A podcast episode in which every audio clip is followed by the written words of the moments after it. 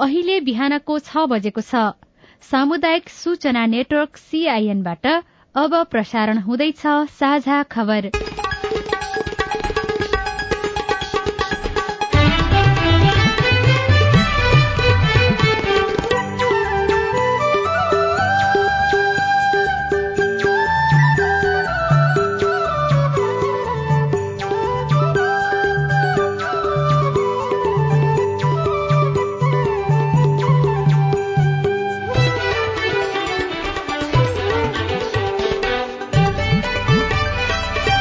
शुभ प्रभात यो सीआईएन को साझा खबर हो। उषा तामाङसँगै लील प्रकाश चन्दको तपाईँलाई स्वागत छ। सामुदायिक रेडियोबाट देशैभरि एकैसाथ प्रसारण भइरहेको साझा खबर सीआईएन खबर डट कम र मोबाइल एप सीआईएनबाट पनि सुन्न सकिन्छ। आज दुई हजार उनासी साल कार्तिक चौध गते सोमबार अक्टोबर एकतीस तारीक सन् दुई हजार बाइस नेपाल सम्बत एघार सय त्रिचालिस कार्तिक शुक्ल पक्षको सप्तमी तिथि आज विश्व शहरीकरण दिवस।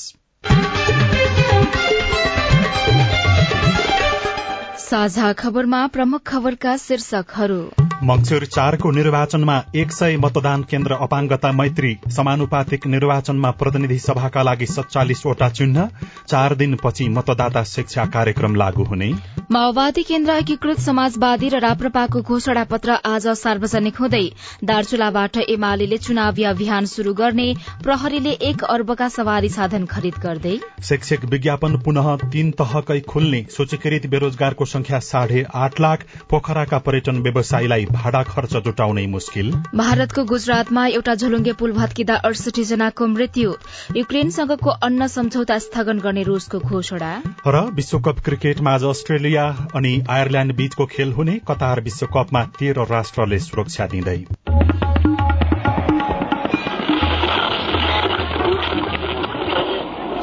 रेडियो।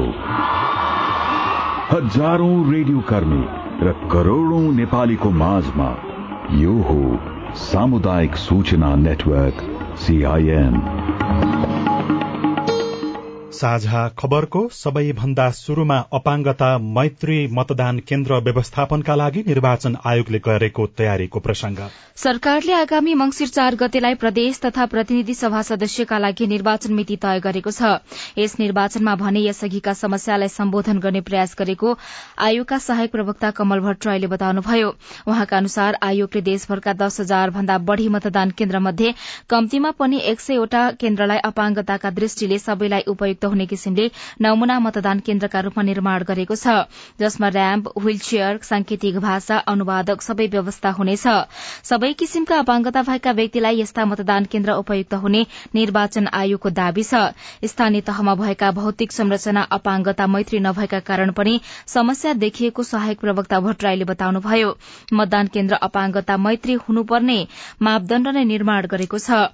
स्थानीय चुनावमा अपाङ्गता मैत्री नभएका केही मतदान केन्द्र यसपटक अर्को ठाउँमा सारिएको छ। यसैबीच निर्वाचन आयोगले अठार कार्तिकदेखि मतदाता शिक्षा कार्यक्रम सञ्चालन गर्ने भएको छ। निर्वाचनमा मतदातालाई सक्रिय सहभागिता गराउन र मत बदर हुन नदिन आयोगले एक सातापछि मतदाता शिक्षा कार्यक्रम शुरू गर्न लागेको हो। आयोगका सहायक प्रवक्ता सूर्य प्रसाद अर्यालले कार्तिक अठार गतेबाट देशव्यापी रूपमा मतदाता शिक्षा कार्यक्रम सञ्चालन हुने बताउनुभयो। एउटा स्वयंसेविकाले पन्ध्र जनाको समूहमा दुईवटा ब्रोसरबाट मतदान गर्ने मतपत्र मतपेटिकामा खसाल्ने मतदान केन्द्रसम्म पुग्ने लगायत विषयमा जानकारी दिनेछ। प्रतिनिधि सभा र प्रदेश सभा चुनाव मर्यादित बनाउन आयोगले जारी गरेको आचार संहिता उल्लंघन भएको भन्दै साठी भन्दा बढ़ी उजुरी परेका छन्। आचार संहिता पालनाबारे अनुगमनका लागि सतहत्तर जिल्लामा अनुगमन संयन्त्र बनाइएको र त्यो संयन्त्रले पनि हेरिरहेको आयोगका सहायक प्रवक्ता अर्यालले बताउनुभयो। निर्वाचन धाँधली रहित हुन र व्यवस्थित गराउनका लागि मतदाता नै सचेत हुनुपर्ने उहाँको भनाइ छ।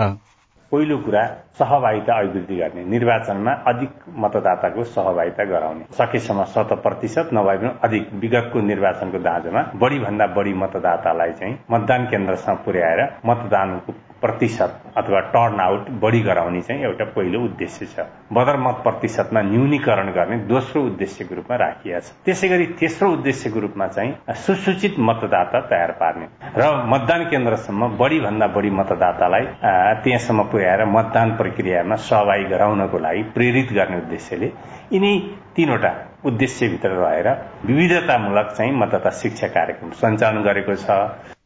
निर्वाचन आयोगले मतपत्र र निर्वाचनका अन्य सामग्री ढुवानीको कामलाई पनि तीव्रता पारेको छ।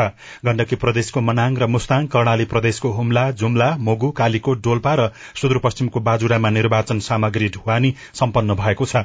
ती बाहेकका एकाउन्न जिल्लामा पनि विभिन्न निर्वाचन सामग्रीहरू पठाइसकिएको छ। आयोगका प्रवक्ता शालिग्राम शर्मा पौडेलले मतदान अधिकृत सहितका कर्मचारी नियुक्ति गर्ने तयारी पनि भइरहेको सीआईएनसँग बताउनुभयो।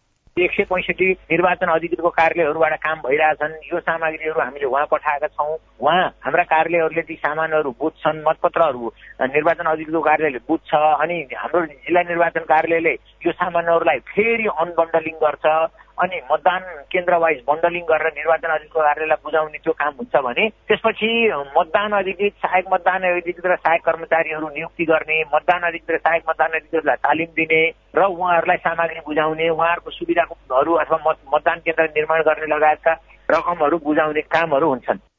आगामी निर्वाचनमा दुई लाख छयालिस हजार कर्मचारी खटाउने गरी आयोगले तयारी गरेको छ। एक साताभित्रै निर्वाचनमा खटिने कर्मचारी छनौट भइसक्नेछन्। मंगिर चार गते हुने प्रतिनिधि सभा र प्रदेशसभा सदस्य निर्वाचन अन्तर्गत समानुपातिक निर्वाचन प्रणालीतर्फ प्रतिनिधि सभाका लागि सड़चालिसवटा निर्वाचन चिन्ह भएको मतपत्र प्रयोग हुने भएको छ।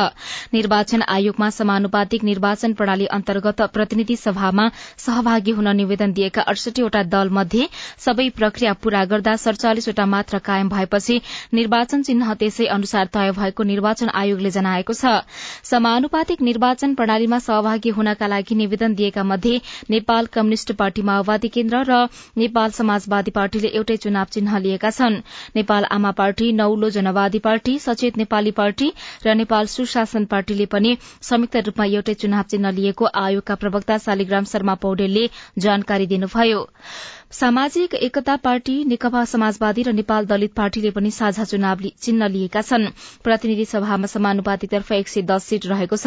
प्रदेश सभाको समानुपातिक निर्वाचन प्रणालीतर्फ प्रदेश अनुसार मतपत्रमा चुनाव चिन्हको संख्या फरक फरक पर्नेछ। कर्णाली र सुदूरपश्चिम प्रदेशमा दलहरूले समानुपातिकतर्फको अन्तिम बन्दसूची बुझाएपछि मात्र मतपत्र छपाई भएकोले यी दुई प्रदेशमा बन्दसूची बुझाउने दलको मात्र निर्वाचन चिन्ह रहनेछ। तर प्रदेश नम्बर एक मध्य प्रदेश बागमती गण्डकी र लुम्बिनी प्रदेशको समानुपातिक तर्फको मतपत्र बन्दसूची पेश गर्नु अघि नै छपाई भइसकेका कारण निर्वाचनमा सहभागिताका लागि निवेदन दिएका दलको निर्वाचन चिन्ह समेत रहने प्रवक्ता पौडेलले बताउनुभयो। जस अनुसार प्रदेश नम्बर एकमा पचपन्नवटा निर्वाचन चिन्ह भएको मतपत्र हुनेछ।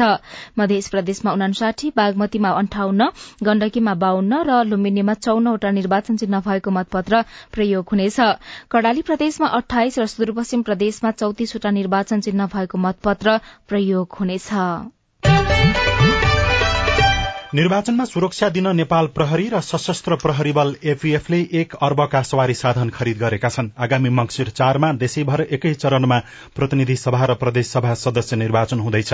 निर्वाचनमा सुरक्षा गस्ती र त्यसपछि नियमित सुरक्षामा जनशक्ति परिचालन गर्न दुवै निकायले गरी करिब दुई हजार सवारी साधन किन्नुपर्ने प्रस्ताव अर्थ मन्त्रालयमा पेश भएको थियो।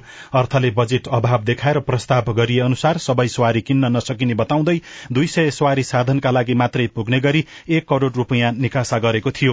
राजनैतिक दलहरू भने आगामी निर्वाचनका लागि अभियान सञ्चालन गर्ने तयारीमा छन्।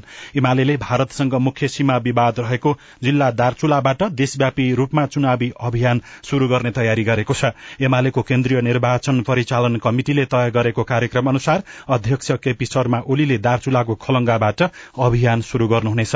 ओली नेतृत्वको सरकारले कालापानी लिपुलेक र लिम्पियाधुरालाई समेटेर चुच्चे नक्सा जारी गरेको भन्दै उपलब्धि का रूपमा व्याख्या गर्नको लागि एमाले दार्चुलाबाट चुनावी अभियान शुरू गर्न लागेको हो।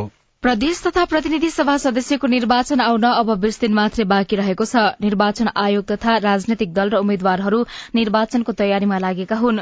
मतदातालाई आफ्नो पक्षमा पार्ने गरी ठूला राजनैतिक दलले घोषणा पत्र सार्वजनिक गर्ने क्रम पनि शुरू भएको छ। माओवादी केन्द्रले आज दिउँसो तीन बजे केन्द्रीय कार्यालय पेरिस टाडामा घोषणा पत्र सार्वजनिक गर्नेछ भने नेकपा एकीकृत समाजवादी पार्टीले पनि आज दिउँसो एक बजे बानेश्वर स्थित पार्टी कार्यालयमा घोषणा पत्र सार्वजनिक गर्दैछ। घोषणा पत्रमा नीतिगत प्रतिबद्धता र कार्यक्रमिक प्रतिबद्धता उल्लेख गरिएको पार्टीका महासचिव बेदुराम भूषालले सीआईएनलाई जानकारी दिनुभयो। संविधान र लोकतन्त्रको रक्षाको विषय उठाएका छौँ मुख्य गरी सुशासन र पारदर्शिताको पक्षमा हामी रहन्छौँ भन्ने कुरा छ। आर्थिक सामाजिक रूपान्तरणको अभियान सञ्चालन गर्नुपर्छ यो सामाजिक परिवर्तनका निम्ति भन्ने कुरा उठाएका छौँ। राष्ट्रिय हित र स्वाभिमानको सम्वर्धन गर्ने पक्षमा हामी उभिन्छौँ भन्ने कुरा छ। र अहिलेको निर्वाचन प्रणाली जुन छ यो निर्वाचन प्रणाली चाहिँ अलि अव्यवहारिक पनि छ अलि खर्चिलो धेरै छ। यसमा परिवर्तन गर्नुपर्छ भन्ने कुरा उठाएका छौँ। आगामी राष्ट्रिय प्रजातन्त्र पार्टी राप्रपाले पनि आगामी निर्वाचनलाई लक्षित गर्दै बिहान साढे एघार बजे बानेश्वरको थापा गाउँ स्थित बानेश्वर ब्याङ्कवेटमा घोषणा पत्र सार्वजनिक गर्दैछ।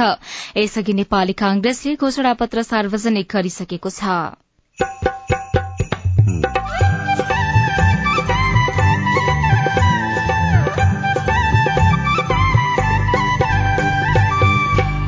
सामुदायिक सूचना नेटवर्क सीआईएन मार्फत देशभरि प्रसारण भइरहेको साझा खबरमा कोरोनापछि पर्यटन क्षेत्र नतंग्रिँदा व्यवसायीहरू मर्कामा।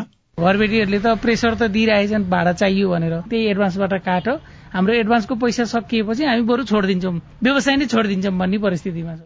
प्रहरीले एक अर्बका सवारी साधन खरिद गर्दै शिक्षक विज्ञापन पुनः तीन तहकै खुल्ने लगायतका खबर बाँकी नै छन्। सीआईएनको साझा खबर सुन्दै गर्नुहोला। अब बिहे पक्का भयो। अब बिहे कहिले गर्ने त सम्झियो। आउँदो निर्वाचन पछि निर्वाचनसम्म त कहाँ फुर्सद हुन्छ र? त्यो दिन त भोट पनि हाल्न जानुपर्छ। छोरा तुरन्तै विदेश फर्कनुपर्छ। एक वर्ष नभए आउँदैन। त्यसो भए बिहे एक वर्षपछि गरौँ। एक वर्षपछि विदा मिलेन भने नि। त्यस भए दुई वर्षपछि गरौँ। त्यो भोट हालेर खाना लाउन मिल्ने होइन। त्यस्तो जाबो भोट हाल्ने कुरामा किन बिहे रोक्ने हजुर? भोट हाल्ने भनेको जाबो कुरा होइन सम्झिने ज्यू। हामीले दिएको एउटा भोटले सही मान्छे छान्न सक्यो भने हाम्रो गाउँ सहर देशले उन्नति गरी हाम्रो भविष्य निर्माण गर्न सक्छ। त्यसो भए समाधान कसरी गर्ने त? पहिले मतदान गर्ने त्यसपछि कन्यादान गर्ने।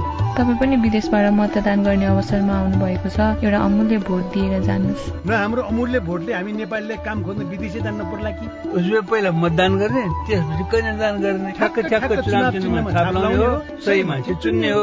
निर्वाचन आयोग। नेपाल टेलिकमको सूचनाको संसार। होइन के सुनेको यस्तो ध्यान दिएर दोहोरो बोलेको जस्तो नि देख्दिन। तीन दुई एक शून्य शून्य क्या? तीन दुई एक शून्य शून्य? के हो त्यो भने? बुझिन त। ल सुन एनटिसी प्रयोगकर्ताहरूले आफ्नो मोबाइल तथा ल्यान्डलाइनमा तीन दुई एक शून्य शून्य डायल गरी समाचार रेडियो कार्यक्रम खेल र अन्य विषय बारे सन्देशहरू जुनसुकै बेला निशुल्क सुन्न सक्छन्। ओहो निशुल्क? कस्तो सजिलो। समाचार सुन्न छुट्यो भनेर पिर लागेको थियो।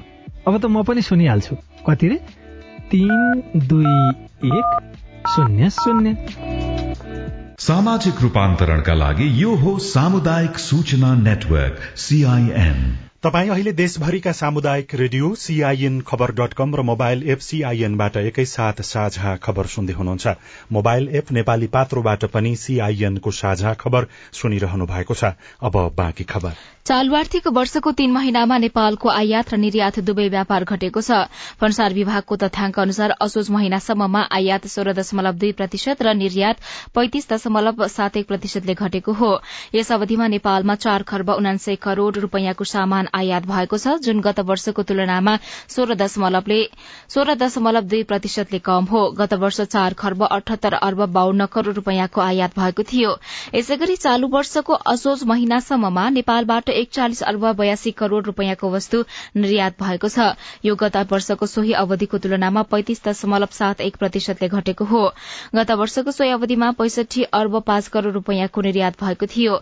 विभागका अनुसार यस अवधिमा नेपालको वैदेशिक व्यापार तेह्र दशमलव एक तीन प्रतिशतले घटेको छ। गत वर्ष चार खर्ब तेह्र अर्ब सड़चालिस करोड़ रूपियाँको वैदेशिक व्यापार भएकोमा यस वर्ष तीन खर्ब उनासाठी अर्ब सत्र करोड़ रूपियाँको व्यापार भएको छ। यस अवधिमा नेपालले विश्वका एक सय सोह्र देशसँग वैदेशिक व्यापार गरेको छ। यस अवधिमा नेपालले सबैभन्दा धेरै पेट्रोलियम पदार्थ औद्योगिक कच्चा पदार्थ र खाद्यान्न लगायतको वस्तु आयात भएको छ।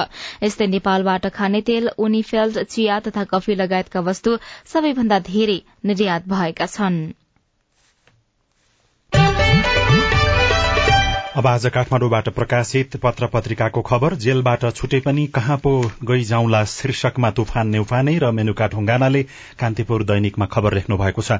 सर्वोच्च अदालतले आठ वर्ष अघि नै प्रताड़नाका कारण पीड़कको ज्यान लिनेसम्मको अवस्थामा महिला पुग्न सक्ने स्वीकार गर्दै त्यसका आधारमा सजाय छुट दिन भनेको छ। यस्तै मुद्दामा अछाम जिल्ला अदालतले हरिशोभा बडुवाललाई अपराध संहिता अनुसार न्यायाधीशको विवेक बमोजिम मात्र सजायमा छुट दिएको छ तर प्रताड़ित महिलाको विषय सम्बोधन गरिएको छैन। त्यही कारण श्रीमान हत्याको आरोपमा हरिशोभाले मंगलसेन कारागारमा कैद सजाय काटिरहनु भएको छ। सर्वोच्चको आदेश अनुसार मृतक पीड़क र प्रताड़नाका कारण महिला पीड़ित हुन सक्ने मुद्दाका विषयमा कानून बनाउन सरकार र विधायिकाले ध्यान दिन सकेका छैनन्।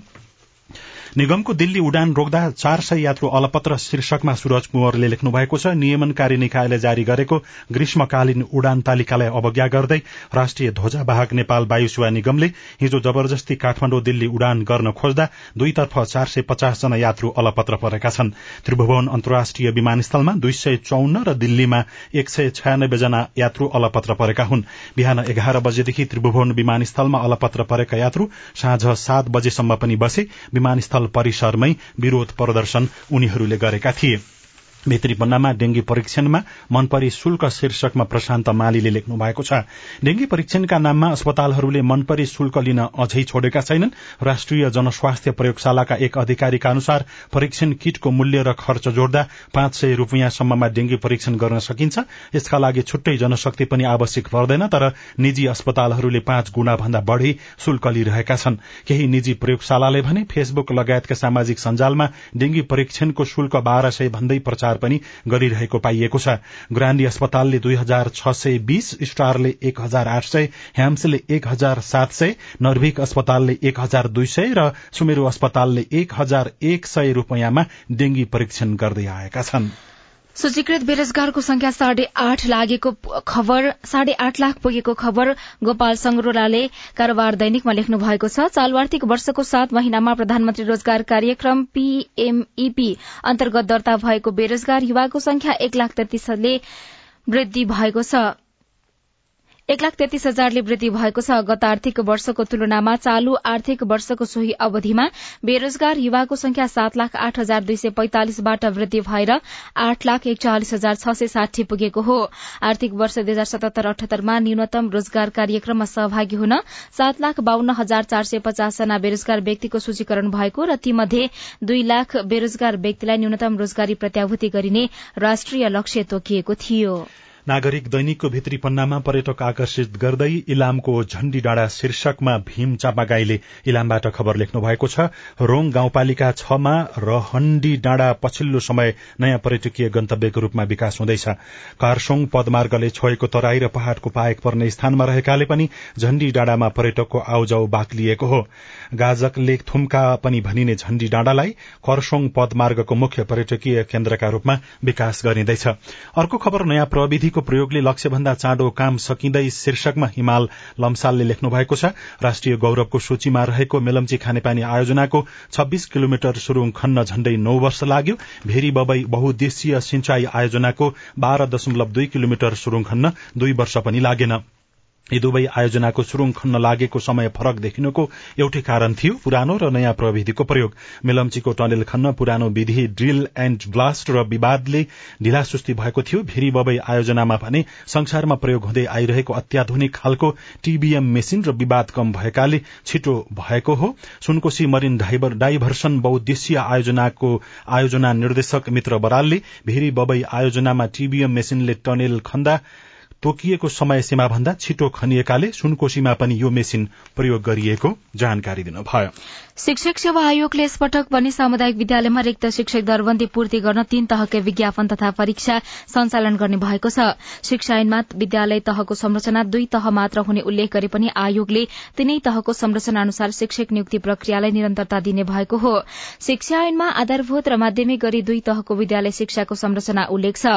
शिक्षा नियमावली तथा शिक्षक सेवा आयोग नियमावलीमा प्राथमिक निम्न माध्यमिक र माध्यमिक तहका लागि फरक फरक तरिकाबाट परीक्षा सञ्चालन गरेर शिक्षक छनौट गर्ने उल्लेख गरिएको छ।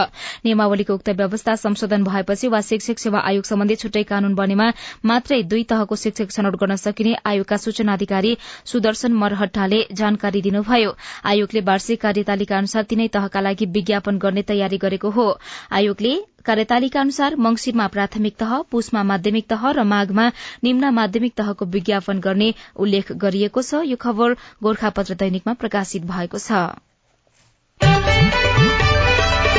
साझा खबरमा अब प्रश्नोत्तर श्रृंखला प्रस्तुत गर्दै हुनुहुन्छ सजना तिमल सिन्हा।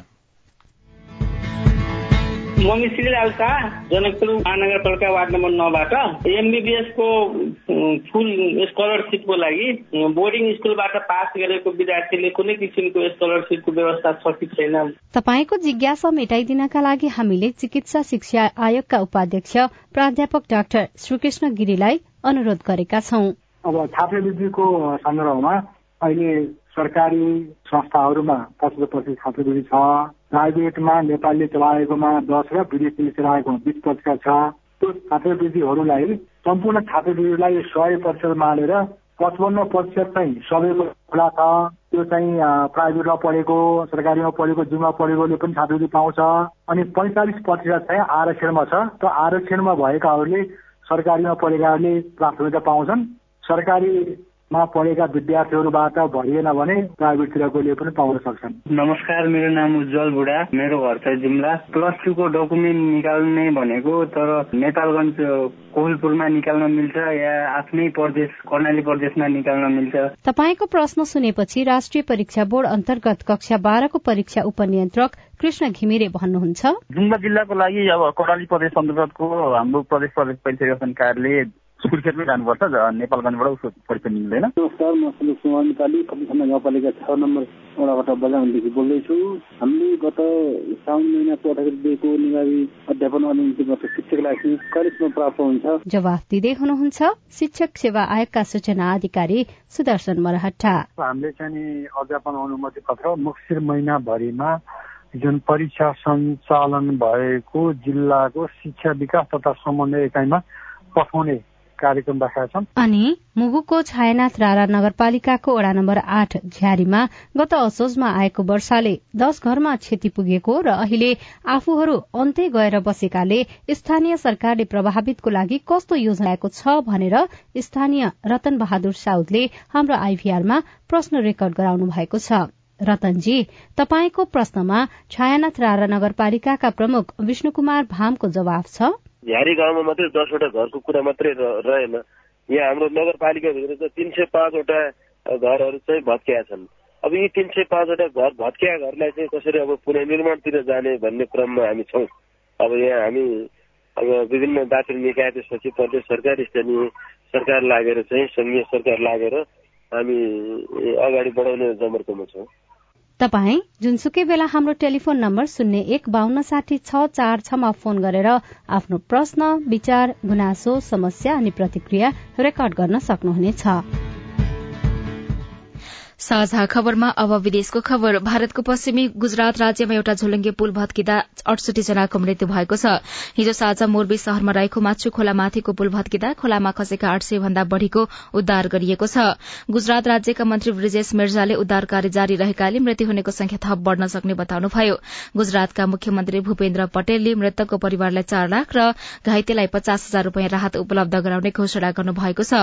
करिब छ महिना बन्द गरी मर्मत गरिएको पुल केही समय अघि मात्रै खुल्ला गरिएको थियो। ब्राजिलको राष्ट्रपतिमा लुइज इनासियो लुला डाक्टर सिल्भा निर्वाचित हुनुभएको छ। हिजो भएको मतदानमा वर्तमान राष्ट्रपति जयर बोल्सोनारोलाई पराजित गर्दै लुला विजय हुनुभएको हो। निर्वाचन प्राधिकरणका अनुसार लुलाले पचास दशमलव आठ प्रतिशत मत प्राप्त गर्नुभएको छ भने बोल्सोनारोले उनापचास दशमलव दुई प्रतिशत मत प्राप्त गर्नुभएको छ। र रूसले संयुक्त राष्ट्रसंघको मध्यस्थतामा गरिएको अन्न सम्झौता तत्काल कार्यान्वयन स्थगित गर्ने घोषणा गरेको छ। सम्झौतापछि युद्धका समयमा पनि युक्रेनबाट नब्बे लाख टन भन्दा बढ़ी अन्न निर्यात गर्न सम्भव भएको थियो। रूसको रक्षा मन्त्रालयले शनिबार अधीनस्थ क्रेमियाको तटीय क्षेत्रमा युक्रेनले आफ्नो black sea slip black sea fleet जहाजहरूमाथि drone आक्रमण गरेको कारण देखाउँदै सम्झौता तोडेको जनाएको छ। युक्रेनले यो आरोप अस्वीकार गर्दै रूसले आफ्नै हतियारहरूको दुरूपयोग गरेको जनाएको छ। अब खेल खबर टी ट्वेन्टी विश्वकपमा आज अस्ट्रेलिया र आयरल्याण्ड भिड्दैछन्। खेल नेपाली समय अनुसार दिउँसो एक पैंतालिस बजे शुरू हुनेछ। हिजो भएको तीनवटा खेलमा पाकिस्तानले नेदरल्याण्ड्सलाई छ विकेटले पराजित गरेको थियो भने अर्को खेलमा बंगलादेशले जिम्बावेलाई तीन रनले हराएको थियो। यसैबीच दक्षिण अफ्रिकाले आईसीसी टी ट्वेन्टी विश्वकप क्रिकेट प्रतियोगितामा भारतमाथि पाँच विकेटको रोमाञ्चक जीत हात पारेको छ। यो जीतसँगै दक्षिण अफ्रिका समूह दुईमा शीर्ष स्थानमा उक्लिएको छ।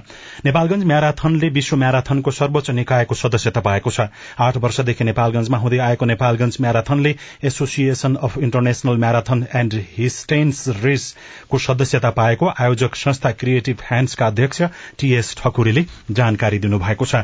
र कतारमा अर्को महिना फिफा विश्वकप फुटबल प्रतियोगिता हुँदैछ। विश्वकप बीस नोभेम्बरदेखि अठार डिसेम्बरसम्म हुनेछ। विश्वकपमा तेह्र राष्ट्रले सुरक्षा दिनेछन्। बीस नोभेम्बरदेखि अठार डिसेम्बरमा हुने फिफा विश्वकपमा सबैभन्दा धेरै टर्कीबाट तीन हजार सैनिक खटिनेछन् पर्यटन क्षेत्रमा व्यवसायको करोड़ौं लगानी तर कोठा भाड़ा तिर्ने मुस्किल रेडियो रिपोर्ट अरू खबर र कार्टुन पनि बाँकी नै छ। सीआईएनको साझा खबर सुन्दै गर्नुहोला। एक वर्ष सब्सक्रिप्सन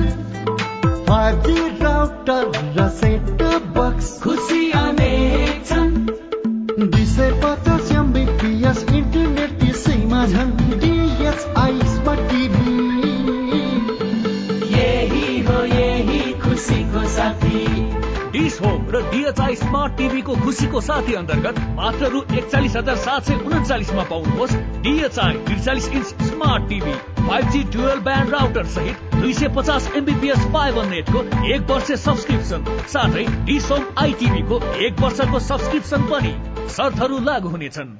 सामाजिक रूपान्तरणका लागि यो हो सामुदायिक सूचना नेटवर्क सीआईएन साझा खबरमा अब पर्यटन क्षेत्रमा प्रभावको प्रसंग। घुम्नका लागि पोखरा पुग्नेहरूको पहिलो गन्तव्य हो लेक साइड दैनिक करोड़ौं रूपियाँको कारोबार गर्ने लेक साइड क्षेत्र कोरोनाका कारण दुई हजार छयत्तर चैत एघार गतेदेखि ठप्प बन्यो। तेस्रो वर्ष लाग्दै गर्दा विश्वव्यापी रूपमा कोरोनाको प्रभाव घटिरहेको छ तर कोरोनाले ठप्प पारेको लेक साइडको व्यापार भने अझै बढ़न सकेको छैन। सत्ताइस वर्षको जापान बसाई टुंग्याएर बलराम पोखरेल दुई हजार छिहत्तर सालमा नेपाल फर्किनुभयो। त्यही वर्ष झण्डै तीन करोड़ रूपियाँको लगानीमा लेक साइडमा सजावटका सामानको पसल खोल्नुभयो। विडम्बना व्यवसाय थालेको तीन महिनामै लकडाउन घोषणा भयो। लकडाउन सकिएर बजारमा चहल पहल बढे पनि बलरामको व्यवसायले अझै लय समातेको छैन। सुरुमै चाहिँ अब घरबेटीहरूलाई चाहिँ एडभान्स पैसा दिएर बसेको होइन। यो कोभिड सुरु भएदेखि त अब हामीले भाडा तिर्न सक्ने सिचुएसनै भएन। हामीले चाहिँ अब घरबेटीहरूले त प्रेसर त दिइरहेछन् भाडा चाहियो भनेर। तर हामीसँग उपाय छैन। त्यो भएको भएर हामीले चाहिँ त्यही एडभान्सबाट काट हाम्रो एडभान्सको पैसा सकिएपछि हामी बरु छोडिदिन्छौँ। व्यवसाय नै छोडिदिन्छौँ भन्ने परिस्थितिमा छ। कोरोना भन्दा अघि सन् दुई हजार उन्नाइसको अक्टोबर महिनामा मात्रै एक लाख चौतिस हजार छत्तीस विदेशी पर्यटक हवाई मार्गबाट नेपाल भित्रिएका थिए। लकडाउन घोषणा भए यता दुई हजार बीस अक्टोबरमा एक हजार आठ सय अठहत्तर दुई हजार एक्काइस अक्टोबरमा तेइस हजार तीन सय त्रियासी पर्यटक नेपाल आएको तथ्याङ्क त्रिभुवन अन्तर्राष्ट्रिय विमानस्थलसँग छ। यस वर्ष भने अक्टोबर महिनामा पर्यटकको संख्या बढ़ेर बयासी हजार सात सय अठहत्तर पुगेको छ। पोखरामा पनि पर्यटक बढ़े तर लेक साइडको व्यापार भने बढ़ेको छैन। किन त? व्यवसायी पुष्कल बहादुर थापा। धेरै घुम्ने मान्नुहोस् न दुई वर्ष तीन वर्ष घुम्ने एक वर्ष घुम्ने त्यो जागिर कुइट गरेर कि यति समयसम्मको लागि म घुम्छु भन्ने उद्देश्यले लिएर हिँडेका ट्राभलर्सहरूसँग सीमित रूपमा उनीहरूले अड्कलेर पैसा खर्च गर्ने अवस्था रहन्छ। क्वालिटीको भनेको जो चाहिँ उहाँ आफ्नो पेसा व्यवसाय भएर समय कम हुने तर आय आर्जन राम्रो भएका जस्तै समय पर्याप्त छैन। आय आर्जन छ भनेपछि उसले छोटो समयमा धेरै घुम्नुपर्ने हुन्छ। भएपछि उसले सुविधाजनक गाडीहरूको प्रयोग गर्छ। सपिङ गर्न आउँदा पनि उसले चाहिँ एकै ठाउँमा आएर आफूलाई आवश्यक सामान सामग्रीहरू किन्छ। लेक साइडमा पदयात्राका लागि चाहिने सामान बेच्ने पचहत्तर जना व्यवसायी छन्। उनीहरूले वर्षमा पचास लाख रुपियाँ हाराहारीको व्यापार गर्दै आएका थिए। त्यस्ता सामान किन्ने पर्यटक धेरै जसो विदेशी हुन्थे। तर कोरोना महामारी यता लाखौं रूपियाँ खर्चेर पदयात्रा गर्न चाहने विदेशी आई नसकेको व्यवसायी किशोर दाहाल बताउनुहुन्छ। ठूला ठूला होटलहरूमा बस्ने राम्रो महँगा पर्यटकहरूले अलिक खर्च धेरै गर्छ भने सस्ता पर्यटकले अलिक खर्च कम गर्छ नेपाली भन्दा नि कम खर्च गर्ने पर्यटकहरू पनि छन्। जे सोचेको थियो हामीले दुई वर्षको बिचमा त्यस्तो कुनै पनि राम्रो रिकभरी भएको अवस्था चाहिँ छैन अहिलेसम्म। विदेशी पर्यटकका लागि मुख्य सिजन अक्टोबरमा पोखरा आउने अस्सी प्रतिशत पर्यटक विदेशी हुन्थे तर अहिले बीस प्रतिशत मात्रै रहेको Nepal association of tour and travel agents NATA गण्डकीका अध्यक्ष हरिराम अधिकारी बताउनुहुन्छ। चीन पूरै नखुल्दासम्म पर्यटक अभाव भइरहने उहाँको भनाइ छ। चाइना अहिलेसम्म बन्द नै छ। त्यहाँबाट पर्यटक आउने सम्भावना छैन। फ्लाइट पनि लिमिट रूपमा मात्रै छ। त्यो भएको भएर अहिलेको पर्यटन भनेको चाहिँ पोखरामा आन्तरिक पर्यटक र भारतीय पर्यटक नै हो। पर्यटनलाई नेपालको आर्थिक विकासको मेरुदण्ड मानिन्छ। तर पोखरा पर्यटन परिषदका अध्यक्ष ओम नारायण श्रेष्ठ भने पर्यटन प्रति सरकार नै गम्भीर नरहेको बताउनुहुन्छ। कोरोनाले हच्किएका पर्यटकलाई नेपाल भित्र्याउन अन्तर्राष्ट्रिय अभियान आवश्यक रहेको श्रेष्ठको धारणा छ। नेपाली दाजुभाइ दिदीबहिनीहरू पचास लाख जति हाराहारीमा विदेशमा काम गर्छन्। अब पोखरा पर्यटन परिषदले एउटा अभियान के चलाउँदैछ र यसलाई चाहिँ नेपाल सरकारलाई पनि मेरो विनम्र अनुरोध र आग्रह यसमा हामीलाई साथ दिनुहोस्। कम्तीमा पनि पचास लाखले त्यो चिज बोलिराख्दाखेरि आदि आए पनि पच्चिस लाख त पर्यटक भित्रिन सक्ने भयो नि त। हामीले अब यो अभियान सञ्चालन गर्न जरुरी छ। केही वर्ष यता पोखराको व्यापारमा आन्तरिक पर्यटकले भर्थे गरिरहेका छन् तर विदेशी पर्यटक बढाउन नसकेसम्म खर्बौंको लगानी जोगाउन सकिने सम्भावना छैन। पोखराबाट फर्किएपछि अविनाश आचार्य सीआईएन काठमाडौँ। रिपोर्टसँगै हामी साझा खबरको अन्त्यमा आइपुगेका छौं। सामुदायिक रेडियो प्रसारक संघद्वारा संचालित सीआईएनको बिहान छ बजेको साझा खबर सक्नु अघि मुख्य मुख्य खबर फेरि एकपटक। मंगिर चारको निर्वाचनमा एक सय मतदान केन्द्र अपाङ्गता मैत्री समानुपातिक निर्वाचनमा प्रतिनिधि सभाका लागि सड़चालिसवटा चुनाव चिन्ह। माओवादी केन्द्र एकीकृत समाजवादी र राप्रपाको घोषणा पत्र आज सार्वजनिक हुँदै दार्चुलाबाट एमाले चुनावी अभियान शुरू गर्ने प्रहरीले एक अर्बका सवारी साधन खरिद गर्दै शिक्षक विज्ञापन पुनः तीन तहकै खुल्ने सूचीकृत बेरोजगारको संख्या साढे आठ लाख पोखराका पर्यटन व्यवसायलाई भाडा खर्च जुटाउने मुस्किल। भारतको गुजरातमा एउटा झोलुङ्गे पुल भत्किँदा अठसठी जनाको मृत्यु ब्राजिलको राष्ट्रपतिमा लुइज इनासियो लुला डा सिल्भा निर्वाचित युक्रेनसँगको अन्न सम्झौता स्थगन गर्ने रूसको घोषणा। र विश्वकप क्रिकेटमा आज अस्ट्रेलिया र आयरल्याण्ड बीचको खेल हुने। साझा खबरको अन्त्यमा कार्टुन। कार्टुन हामीले नागरिक दैनिकको भित्री पन्नामा छापिएको कार्टुन लिएका छौं। व्यङ्ग्य गर्न खोजिएको छ। दलहरू विभिन्न विभिन्न प्रकारका गठबन्धन बनाएर चुनावी अभियानमा छन् र नागरिकले त मतदान गर्नै पर्छ तर उनीहरूमा केही अलमल जस्तो देखिन्छ। दुईवटा र्याली जस्ता देखिने गाउँमा प्रवेश गर्दैछन्। एकजना किसानले गोठको अगाडिपट्टि रागा भैँसी पाडो लगायतका केही वस्तु भाउलाई घाँस दाउरा घाँस दिइराखेको देखाइएको छ र ती किसान जस्ता देखिने व्यक्तिले पछाडि फर्केर हेरेका छन्। माथि चाहिँ यस्तो लेखिएको छ के भोट खसाल्नु खै? नामै गठबन्धन चुनाव रे। आफ्नो पार्टीलाई भोट नदिएर अर्कै पार्टीलाई पो दिनु भन्छन् त। हवस् त प्राविधिक साथी सुनिल राज भारतलाई धन्यवाद। अहिलेलाई लील प्रकाश चन्द र उषा तामाङ विदा भयौं। तपाईँको आजको दिन शुभ होस्। नमस्कार। यसपछि देशभरिका सामुदायिक रेडियोबाट कार्यक्रम जीवन रक्षा प्रसारण हुनेछ। सुन्ने प्रयास गर्नुहोला।